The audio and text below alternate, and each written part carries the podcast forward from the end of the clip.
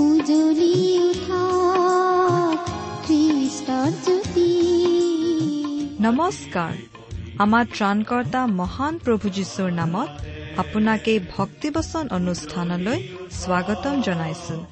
এয়া মুকলি কৰিছো ঈশ্বৰৰ জীৱিত বাক্যৰ ধাৰাবাহিক অনুষ্ঠান ভক্তিবচন।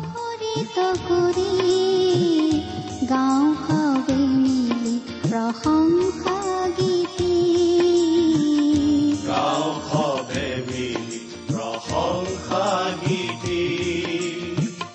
আজিৰে পবিত্ৰ ক্ষণতে উঠা আপোনাৰ জীৱনত যদি শান্তি পাব বিচাৰে তেন্তে এয়া ঈশ্বৰৰ বাক্যৰ সান্তনা বাক্য ভক্তি বচন।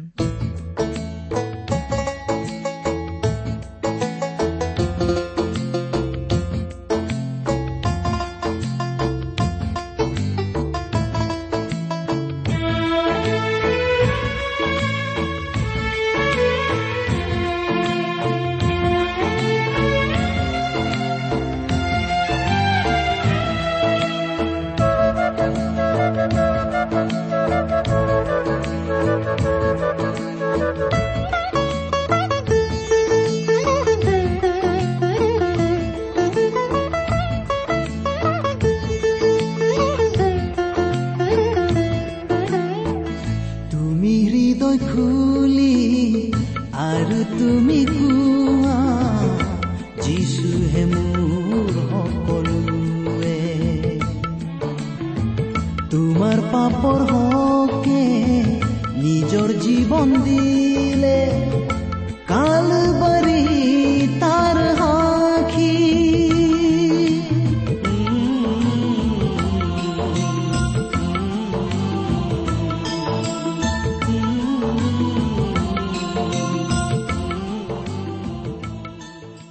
মহান ত্ৰাণকৰ্তা প্ৰভু যীশুখ্ৰীষ্টৰ নামত নমস্কাৰ প্ৰিয় শ্ৰোতা। প্ৰথমতে আপোনাক ধন্যবাদ জনাইছো আমাৰ এই অনুষ্ঠান শুনি থকাৰ বাবে। এই বাইবেল অধ্যয়নৰ অনুষ্ঠান আমি অতি আগ্ৰহেৰে প্ৰস্তুত কৰো আমাৰ শ্ৰোতাসকলৰ সহায় হওক বুলি। যদিও এই কামৰ বাবে আমি নিজকে উপযুক্ত বুলি নাভাবো কিন্তু আমাৰ মহান ত্ৰাণকৰ্তা প্ৰভু যীশুখ্ৰীষ্টৰ বাণী প্ৰকাশ কৰাৰ যি দায়িত্ব সেই দায়িত্বৰ প্ৰতি সঁহাৰি দিবলৈ চেষ্টা কৰিয়েই আমি আজিলৈকে এই কাম কৰি আছো। আমি কিমান দূৰ সফল হৈছো তাৰ বিচাৰ আপোনালোকৰ হাতত। অনুগ্ৰহ কৰি আপোনাৰ মতামত আমাক জনাবনে? হাতত কাগজ কলম লৈ আমালৈ দুষাৰিমান লিখি পঠিয়াবচোন। আপোনাৰ পৰা অহা চিঠি এখনেই যে আমাক কিমান উৎসাহ যোগায় সেই কথা আমি বুজাই দিব নোৱাৰো। গতিকে প্ৰিয় শ্ৰোতা আজিয়ে দুষাৰিমান লিখি পঠিয়াওকচোন। আমাৰ ঠিকনা? ভক্তিবচন টি ডব্লিউ আৰ ইণ্ডিয়া ডাক বাকচ নম্বৰ সাত শূন্য গুৱাহাটী সাত আঠ এক শূন্য শূন্য এক। ভক্তিবচন T W R India post box number seventy Guwahati seven eight one zero' zero' one আমাৰ website W W W dot radio' eight eight two dot com আহকচোন আজিৰ বাইবেল অধ্যয়ন আৰম্ভ কৰাৰ আগতে খন্তেক প্ৰাৰ্থনাত মূৰ দুৱাওঁ। আমি প্ৰাৰ্থনা কৰো। স্বৰ্গত থকা আমাৰ অসীম দয়ালু মৰমীয়াল পিতৃ ঈশ্বৰ তোমাক ধন্যবাদ দিওঁ কাৰণ তোমাৰ বাক্য অধ্যয়ন কৰি তোমাৰ মাত শুনিবলৈ তোমাক ওচৰৰ পৰা লগ পাবলৈ এই সুন্দৰ সময় এই সুন্দৰ সুযোগ তুমিয়েই আমাক দান কৰিলা। প্ৰভু এই অনুষ্ঠান শুনি থকা আমাৰ মৰমৰ শ্ৰোতাসকলৰ কাৰণে প্ৰাৰ্থনা কৰো। তেওঁলোকক তুমি বিশেষভাৱে আশীৰ্বাদ কৰা। কোনো যদি দুখত আছে তুমি তোমাৰ আনন্দ দিয়া। কোনো যদি বেমাৰত আছে তুমি সুস্থতা প্ৰদান কৰা। তোমাৰ শান্তিজনক উপস্থিতি প্ৰতিজনক উপলব্ধি কৰিবলৈ দিয়া। তেওঁলোকৰ জীৱনৰ সকলো দিশতে তুমি আশীৰ্বাদ কৰা। তেওঁলোকৰ জীৱন সৰ্বাংগ সুন্দৰ কৰি তোলা। এতিয়া প্ৰভু তোমাৰ বাক্য আমি আলোচনা কৰিবলৈ আগবাঢ়িছো। আমাক সহায় কৰা যাতে তোমাৰ বাক্য আমি বুজি পাব পাৰো। প্ৰভু যীশুখ্ৰীষ্টৰ যোগেদি তুমি যি দান সকলোৰে বাবে আগবঢ়াইছা সেই দানৰ তাৎপৰ্য বুজি পাবলৈ আমাৰ চকু মুকলি কৰা। কিয়নো এই প্ৰাৰ্থনা ক্ৰুচত আমাৰ হকে প্ৰাণ দি আমাৰ পৰিত্ৰাণৰ পথ প্ৰস্তুত কৰা মৃত্যুঞ্জয় প্ৰভু যীশুখ্ৰীষ্টৰ নামত আগবঢ়াইছো।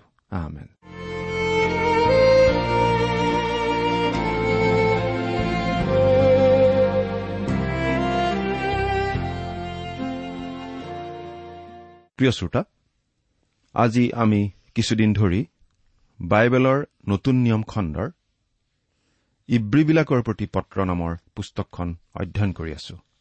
নহয়নে বাৰু? আপুনি বাৰু আমাৰ এই অনুষ্ঠানটো নিয়মিতভাৱে শুনি আছেনে? তেনেহলে যোৱা অনুষ্ঠানত আমি কি আলোচনা কৰিছিলো আপোনাৰ নিশ্চয় মনত আছে? আমি যোৱা অনুষ্ঠানত এই ইব্ৰী পুস্তকৰ বাৰ নম্বৰ অধ্যায়ৰ চৈধ্য নম্বৰ পদলৈকে পঢ়ি আমাৰ আলোচনা আগবঢ়াইছিলো। তাত আমি কি কথা আলোচনা কৰিছিলো? আপোনাৰ মনত আছেনে বাৰু? আমি বিশেষকৈ পাইছিলো খ্ৰীষ্টীয় বিশ্বাসীসকলৰ জীৱনলৈ অহা ঈশ্বৰৰ অনুশাসনৰ কথা। ঈশ্বৰে যে খ্ৰীষ্টীয় বিশ্বাসীসকলক প্ৰয়োজন সাপেক্ষে শাস্তি দিয়ে অনুশাসনমূলক ব্যৱস্থা লয়। সেই কথা আমি আলোচনা কৰিছিলো। পিতাকে নিজৰ পুত্ৰক প্ৰেম কৰে কাৰণেই শাস্তি দিয়ে। পুত্ৰৰ ভালৰ কাৰণেই পিতৃয়ে শাস্তি দিয়ে। ঈশ্বৰেও খ্ৰীষ্টীয় বিশ্বাসীসকলৰ ভালৰ কাৰণেই প্ৰয়োজনত শাস্তি দিয়ে। খ্ৰীষ্টীয় বিশ্বাসীসকলৰ জীৱনত পবিত্ৰতা উৎপন্ন কৰিবলৈ এনেকুৱা কৰিব লগা হয়। চৈধ্য নম্বৰ পদত আমাক বিশেষভাৱে কোৱা হৈছে যে সকলোৰে লগত মিলেৰে থাকিবলৈ আৰু পবিত্ৰতা আহৰণ কৰিবলৈ আমি চেষ্টা কৰা উচিত। পবিত্ৰতা অবিহনে কোনো লোক ঈশ্বৰৰ সন্মুখলৈ আহিব নোৱাৰে কাৰণ ঈশ্বৰ পবিত্ৰ। কিন্তু আমি এটা কথা মনত ৰখা উচিত। আমি নিজৰ প্ৰচেষ্টাৰে কেতিয়াও সম্পূৰ্ণ পবিত্ৰ হ'ব নোৱাৰো। ঈশ্বৰৰ দৃষ্টিত কেতিয়াও নিজৰ প্ৰচেষ্টাৰে আমি গ্ৰহণীয় হ'ব নোৱাৰো। কিন্তু আমাক পবিত্ৰ কৰিব পাৰে একমাত্ৰ প্ৰভু যীশুখ্ৰীষ্টই। তেওঁৱেই আমাৰ পবিত্ৰতা। তেওঁৱেই আমাৰ ধাৰ্মিকতা। তেওঁত আশ্ৰয় লৈহে আমি ঈশ্বৰৰ সন্মুখলৈ আহিব পাৰো। ঈশ্বৰৰ দৃষ্টিত গ্ৰহণীয় হ'ব পাৰো। ৰমিয়া পাঁচ নম্বৰ অধ্যায়ৰ এক নম্বৰ পদত এই বুলি লিখা আছে এইকাৰণে আমি বিশ্বাসৰ দ্বাৰাই ধাৰ্মিক বুলি গণিত হোৱাত আমাৰ প্ৰভু যীশুখ্ৰীষ্টৰ দ্বাৰাই ঈশ্বৰে সৈতে আমাৰ শান্তি আছে। প্ৰিয় শ্ৰোতা প্ৰভু যীশুৱেই মোৰ ধাৰ্মিকতা মোৰ পবিত্ৰতা মোৰ নিজৰ একো নাই। যদি মই পিতৃ ঈশ্বৰৰ সন্মুখলৈ আহিব পাৰো খ্ৰীষ্টই ক্ৰুচত মোৰ বাবে মৰি দিয়াৰ কাৰণেহে আহিব পাৰো। তেওঁৰ পবিত্ৰ তেজেৰে মোৰ পাপৰ প্ৰায়চিত্ৰ কৰাৰ কাৰণেহে আহিব পাৰো। এই কথা আমি পাহৰা উচিত নহয়। এই কথাই আমাক সাহস দিয়ে।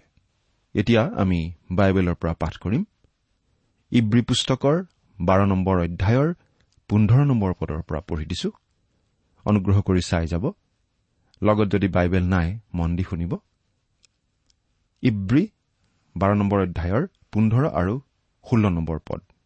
পাছত জানো কোনোৱে ঈশ্বৰৰ অনুগ্ৰহবিহীন হয় বা কোনো তিতাৰ মূল ওলাই তোমালোকৰ বিঘিনি জন্মোৱাত তাৰ দ্বাৰাই অধিক ভাগ অসুচী হৈ যায় বা এসাঁজ আহাৰৰ নিমিত্তে নিজ জ্যেষ্ঠাধিকাৰ বেচা যি এচৌ তেওঁৰ নিচিনা কোনো ধৰ্মনিন্দক বা কোনো ব্যভিচাৰী হয় তালৈ সাৱধানে চাবা। পাছত জানো কোনোৱে ঈশ্বৰৰ অনুগ্ৰহবিহীন হয়। ঈশ্বৰ অনুগ্ৰহৰ আকৰ। তেওঁ সকলোৰে ওপৰত অনুগ্ৰহ ঢালি বাকি দিব খোজে। তেওঁ সকলোকে অনুগ্ৰহ দেখুৱাব খোজে। কাৰণ তেওঁ আমাক অনুগ্ৰহ দেখুৱাব পাৰে। খ্ৰীষ্টই আমাৰ পাপৰ বেচ দিলে। আমি পাব লগা শাস্তি আমাৰ হৈ তেওঁ ক্ৰুচত বহন কৰিলে। সেইবাবেই আজি ঈশ্বৰে আমাক কৰুণা দেখুৱাব পাৰে অনুগ্ৰহ দেখুৱাব পাৰে। অনুগ্ৰহৰ অৰ্থ হৈছে আমি পাবলগীয়া শাস্তি আমাক নিদি নাপাবলগীয়া আশীৰ্বাদ অনন্ত জীৱন তেওঁ আমাক দিব খোজে। যি আশীৰ্বাদ যি অনন্ত জীৱন পোৱাৰ আমি যোগ্য নহওঁ। সেই আশীৰ্বাদ সেই অনন্ত জীৱন তেওঁ আমাক দিব খোজে। কিন্তু সমস্যাটো কি জানেনে প্ৰিয় শ্ৰোতা? বহুতো লোকে ঈশ্বৰৰ সেই অনুগ্ৰহৰ সুবিধা গ্ৰহণ নকৰে। কিন্তু ইচ্ছা কৰিলে আমি সকলোৱেই সেই আশীৰ্বাদ গ্ৰহণ কৰিব পাৰোঁ। প্ৰিয় শ্ৰোতা আপুনি বাৰু আজি ঈশ্বৰৰ ওচৰলৈ গৈছেনে? আপুনি বাৰু তেওঁক ভক্তিপূৰ্ণভাৱে আজি কথা কৈছেনে? নিজৰ পিতৃক কথা কোৱাৰ নিচিনাকৈ? আপুনি নিজৰ বিষয়ে কওক। তেওঁৰ অনুগ্ৰহ যে আপোনাৰ প্ৰয়োজন সেই কথা তেওঁক জনাওক। আমাক সকলোকে ঈশ্বৰৰ সেই অনুগ্ৰহৰ প্ৰয়োজন। ঈশ্বৰৰ অনুগ্ৰহ আমাৰ বাবে সাজু হৈয়েই আছে। কিন্তু আমি বিচাৰিব লাগিব প্ৰাৰ্থনা জনাব লাগিব। প্ৰিয় শ্ৰোতা ঈশ্বৰৰ অনুগ্ৰহ লাভ কৰাৰ পৰা আমাক আন একোৱেই বঞ্চিত কৰিব নোৱাৰে। আমি নিজেই নিজকে বঞ্চিত নকৰিলে আন কোনেও বঞ্চিত কৰিব নোৱাৰে। বা কোনো তিতাৰ মূল ওলাই তোমালোকৰ বিঘিনি জন্মোৱাত তাৰ দ্বাৰাই অধিক ভাগ অসুচী হৈ যায়। আমাৰ মণ্ডলীত মাত্ৰ এজন তিক্ততাৰে পূৰ্ণ মানুহেই বহুত খেলি মেলি লগাই দিব পাৰে। এটা পচা আলুৱে গোটেই বস্তাটো নষ্ট কৰে। আমি যদি কোনো অপ্ৰিয় পৰিস্থিতিৰ মাজেৰে পাৰ হ'ব লগা হৈছে তেনেহলে কাৰো প্ৰতি একো তিক্ততাৰ ভাৱ মনত পুহি নাৰাখি কাৰো প্ৰতি একো বেয়া ভাৱ নেদেখুৱাই প্ৰাৰ্থনাৰে ঈশ্বৰৰ কাষ চপা উচিত যাতে সেই সকলো পৰিস্থিতিৰ মাজেৰে আমি পাৰ হৈ যাব পাৰোঁ। বা এসাঁজ আহাৰৰ নিমিত্তে নিজ জ্যেষ্ঠাধিকাৰ বেচা যি এছৌ তেওঁৰ নিচিনা কোনো ধৰ্মনিন্দক বা কোনো বেভিচাৰী হয়। অৰ্থাৎ আমি এটা কথা বুজি পাওঁ যে এছৌ ঈশ্বৰ চিন্তা কৰা ব্যক্তি নাছিল। ঈশ্বৰৰ পৰা তেওঁ একো পোৱা বা বিচৰাৰ প্ৰয়োজন আছে বুলি হয়তো ভবাও নাছিল। ঈশ্বৰৰ সৈতে কিবা সম্বন্ধ স্থাপন কৰাৰ প্ৰয়োজন আছে বুলিও তেওঁ ভবা নাছিল। গতিকে তেওঁ নিজৰ জ্যেষ্ঠাধিকাৰ খুব বেছি প্ৰয়োজনীয় বা গুৰুত্বপূৰ্ণ কথা বুলি ভবা নাছিল। একো মূল্যৱান বস্তু বুলি ভবা নাছিল। মাত্ৰ এসাঁজ ভাতৰ কাৰণে তেওঁ নিজৰ সেই জ্যেষ্ঠাধিকাৰ জাকুবৰ ওচৰত বেচি দিব পাৰিছিল। ঠিক একেদৰে আজিও বহুত মানুহে নিজৰ নিজৰ আত্মা বিক্ৰী কৰি দিয়ে। কোনো কোনোৱে মদৰ বিনিময়ত নিজকে বিক্ৰী কৰে। কোনো কোনোৱে ড্ৰাগছৰ বাবে নিজকে বিক্ৰী কৰে। কোনো কোনোৱে হয়তো যৌন অভিলাষৰ বাবে। আন কোনোৱে হয়তো দুৰ্নীতিৰ হকেই নিজৰ আত্মা বেচি দিয়ে। অৰ্থাৎ জাগতিক বিষয় বাসনাক বেছি মূল্য দিয়ে। নিজৰ বহুমূলীয়া আত্মাতকৈ।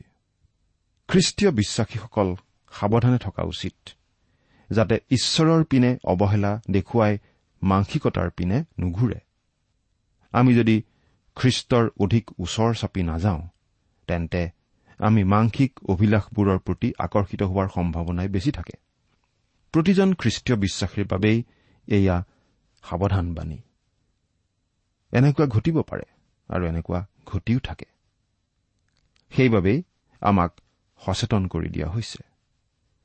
সেইবাবেই আমি সকলোৰে প্ৰতি চকু নিদি একমাত্ৰ খ্ৰীষ্টতেই আমাৰ দৃষ্টি থিৰে ৰাখি তেওঁৰ পথতেই চলি থকা উচিত আৰু তেওঁৰ পবিত্ৰতাক খেদি যোৱা উচিত। অৰ্থাৎ তেওঁৰ দৰে পবিত্ৰ হবলৈ অহৰহ চেষ্টা চলাই থকা উচিত।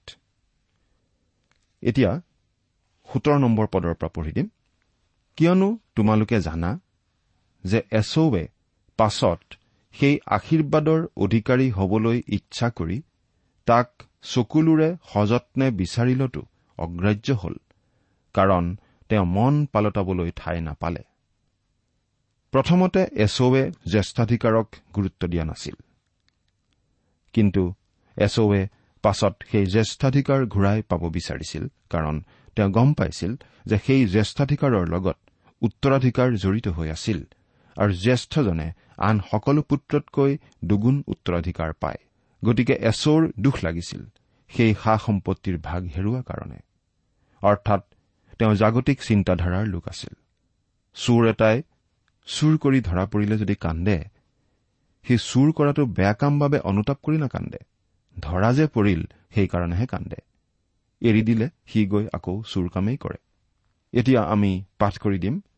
ওঠৰ নম্বৰ পদৰ পৰা একেবাৰে একৈশ নম্বৰ পদলৈকে।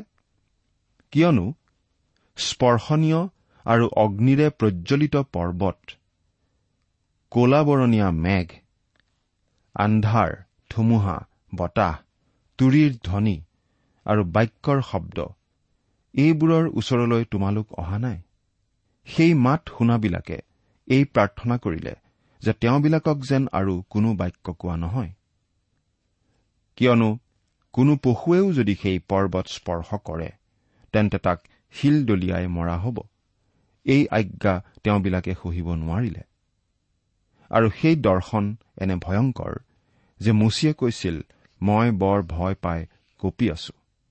ইয়াত পত্ৰখনৰ লিখকে চিনয় পৰ্বতৰ ওপৰত ঈশ্বৰে মুচিক বিধানসমূহ দিয়াৰ সেই ঘটনাটোৰ কথা কৈছে আৰু তেওঁ পুৰণি বিধান বা চুক্তিৰ কথাটো কৈছে।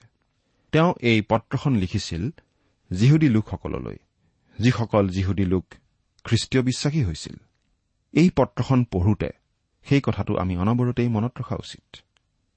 আমি মনত ৰখা উচিত প্ৰথম মণ্ডলীৰ লোকবিলাক পৰজাতীয় লোক নাছিল। যিহুদী লোকহে আছিল। পঞ্চাছদিনীয়া পৰ্বৰ দিনাখন তিনি হাজাৰ যিহুদী লোকে প্ৰথমতে বিশ্বাস কৰি খ্ৰীষ্টলৈ আহিছিল। পাচনি পৌল আৰু বাৰ্ণবা আৰু আন আন মিছনেৰীসকলে বাহিৰলৈ খ্ৰীষ্টৰ শুভবাৰ্তা বিয়পাই নিদিয়া পৰ্যন্ত সেই প্ৰথম কেইটামান বছৰত খ্ৰীষ্টীয় বিশ্বাসীসকলৰ শতকৰা এশভাগ লোকেই যিহুদী লোক আছিল। খ্ৰীষ্টত বিশ্বাসী জিৰচালেমত থকা এই যিহুদী লোকসকল যথেষ্ট বিবোধিত পৰিছিল। তেওঁলোক জিৰচালেমৰ মন্দিৰলৈ যোৱাত অভ্যস্ত আছিল। মুচিৰ বিধান পাঠ কৰাটো শুনি শুনি তেওঁলোক অভ্যস্ত হৈছিল। কিন্তু এতিয়া তেওঁলোকক সেই বিধানৰ পৰা আঁতৰ কৰা হ'ল। মন্দিৰৰ পৰাও আঁতৰ কৰা হ'ল। গোটেই ধৰ্ম ব্যৱস্থাটোৰ পৰাই তেওঁলোক ছিন্ন হোৱাৰ নিচিনা হ'ল। তেওঁলোকৰ নিজকে বাহিৰৰ লোক লোক যেন লগা হৈছিল। গতিকে এই পত্ৰখনৰ লিখকে তেওঁলোকক প্ৰায় এনেকুৱা ধৰণে কথাখিনি কৈছে তোমালোক এতিয়া চিনয় পৰ্বততকৈ বেলেগ পৰ্বত এখনৰ ওচৰলৈ চাপি আহিছা আৰু তোমালোক চিনয় পৰ্বতলৈ নিশ্চয় ঘূৰি যাব নিবিচাৰা। চিনয় পৰ্বতত বিধান দিয়াৰ সময়ত তিনি হাজাৰ মানুহৰ মৃত্যু হৈছিল। কিন্তু পঞ্চাছদিনীয়া পৰ্বৰ দিনাখন তিনি হাজাৰ মানুহে যীচুত বিশ্বাস স্থাপন কৰি পৰিত্ৰাণ লাভ কৰিছিল। বিধান দিয়াৰ সময়ত মৃত্যু ঘটিছিল।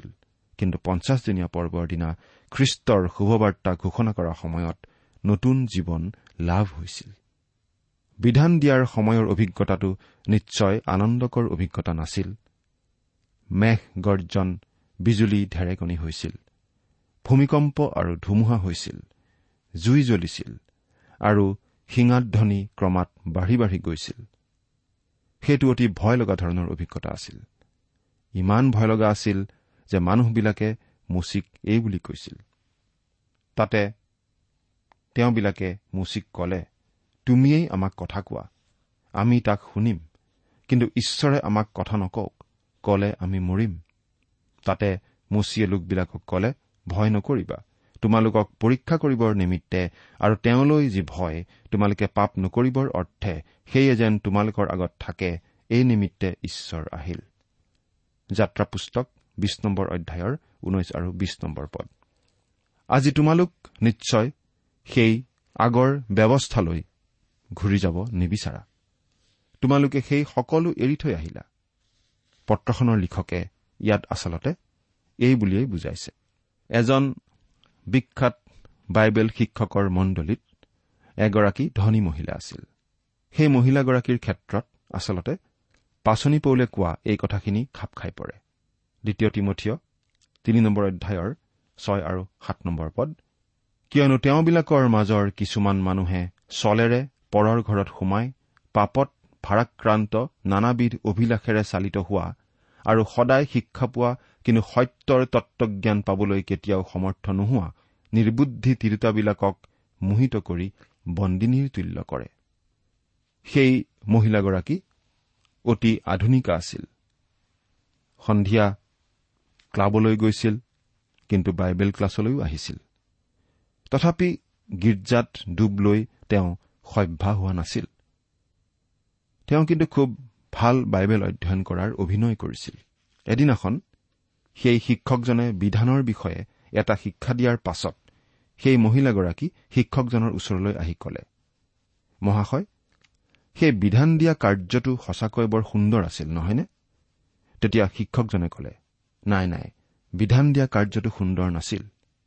মই ভাবো এইটো বাইবেলৰ ভিতৰতেই অতি ভয় লগা ধৰণৰ ঘটনা আছিল।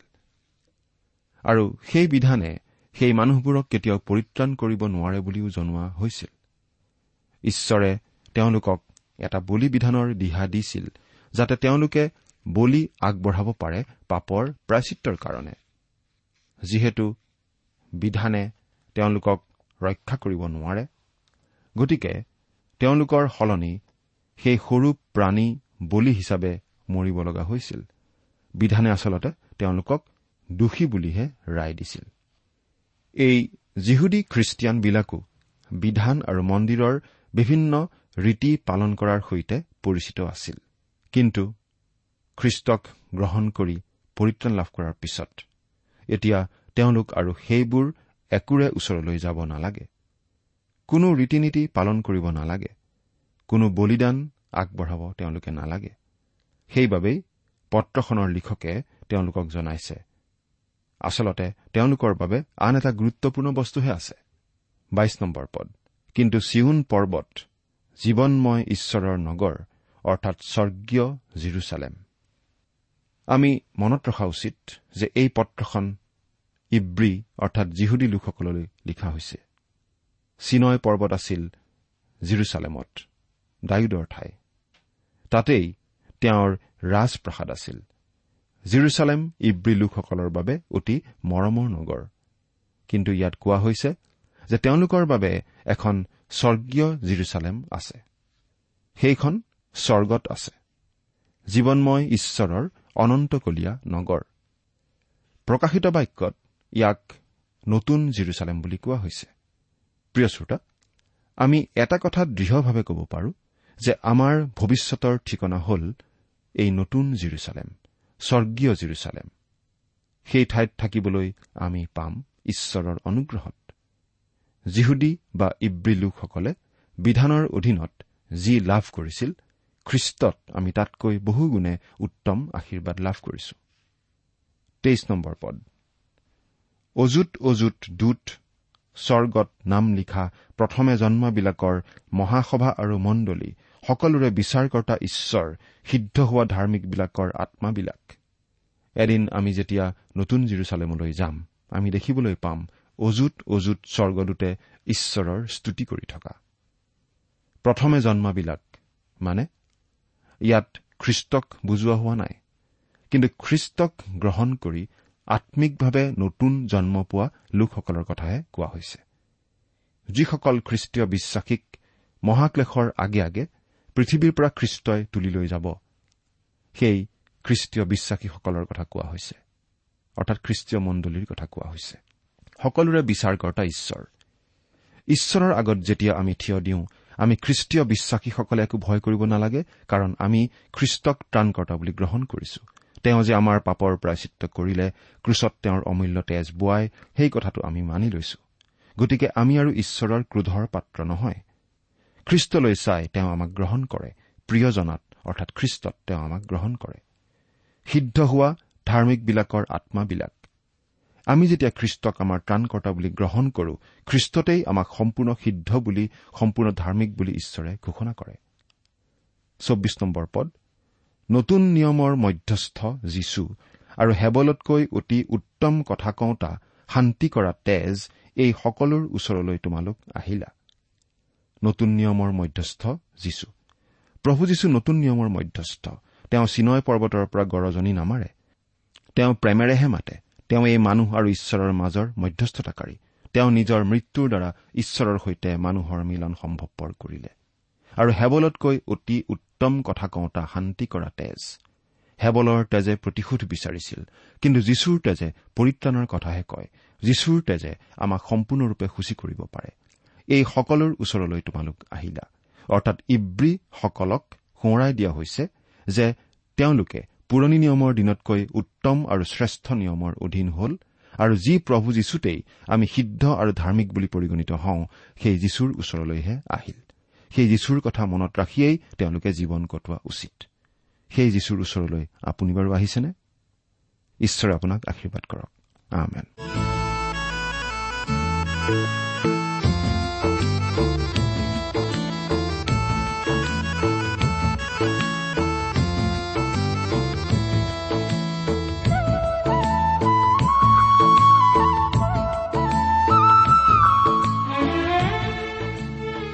পৰে আপুনি ভক্তিবচন অনুষ্ঠানটি শুনিলে। অনুষ্ঠানটি শুনি কেনে পালে? আমালৈ চিঠি লিখি জনাবচোন। অনুষ্ঠানত প্ৰচাৰ কৰা কোনো কথা বুজিব লগা থাকিলেও আমালৈ লিখক। আমাৰ ঠিকনা ভক্তিবচন টি ডাব্লিউ আৰ ইণ্ডিয়া ডাক পাকচ নম্বৰ সাত শূন্য গুৱাহাটী সাত আঠ এক শূন্য শূন্য এক। ঠিকনাটো আৰু এবাৰ কৈছো ভক্তিবচন টি ডাব্লিউ আৰ ইণ্ডিয়া ডাক পাকচ নম্বৰ সাত শূন্য গুৱাহাটী সাত আঠ এক শূন্য শূন্য এক। আপুনি ইমেইল যোগেৰেও আমাৰ সৈতে যোগাযোগ কৰিব পাৰে। আমাৰ ইমেইল আইডিটো হৈছে Assamese T TV at radio' eight eight two dot com আইডিটো আকৌ এবাৰ কৈছো। Assamese T TV at radio' eight eight two dot com আপুনি টেলিফোনৰ মাধ্যমেৰেও আমাক যোগাযোগ কৰিব পাৰে। আমাৰ টেলিফোন নম্বৰটো হৈছে শূন্য তিনি ছয় এক দুই ছয় শূন্য চাৰি ছয় সাত এক। ফোন নম্বৰটো আকৌ এবাৰ কৈছো zero' three six one two six zero' four six seven one. আজিৰ অনুষ্ঠানটি ইমানতে সামৰিছো। ঈশ্বৰৰ শান্তি আৰু অনুগ্ৰহ আপোনাৰ লগত থাকক। ধন্যবাদ।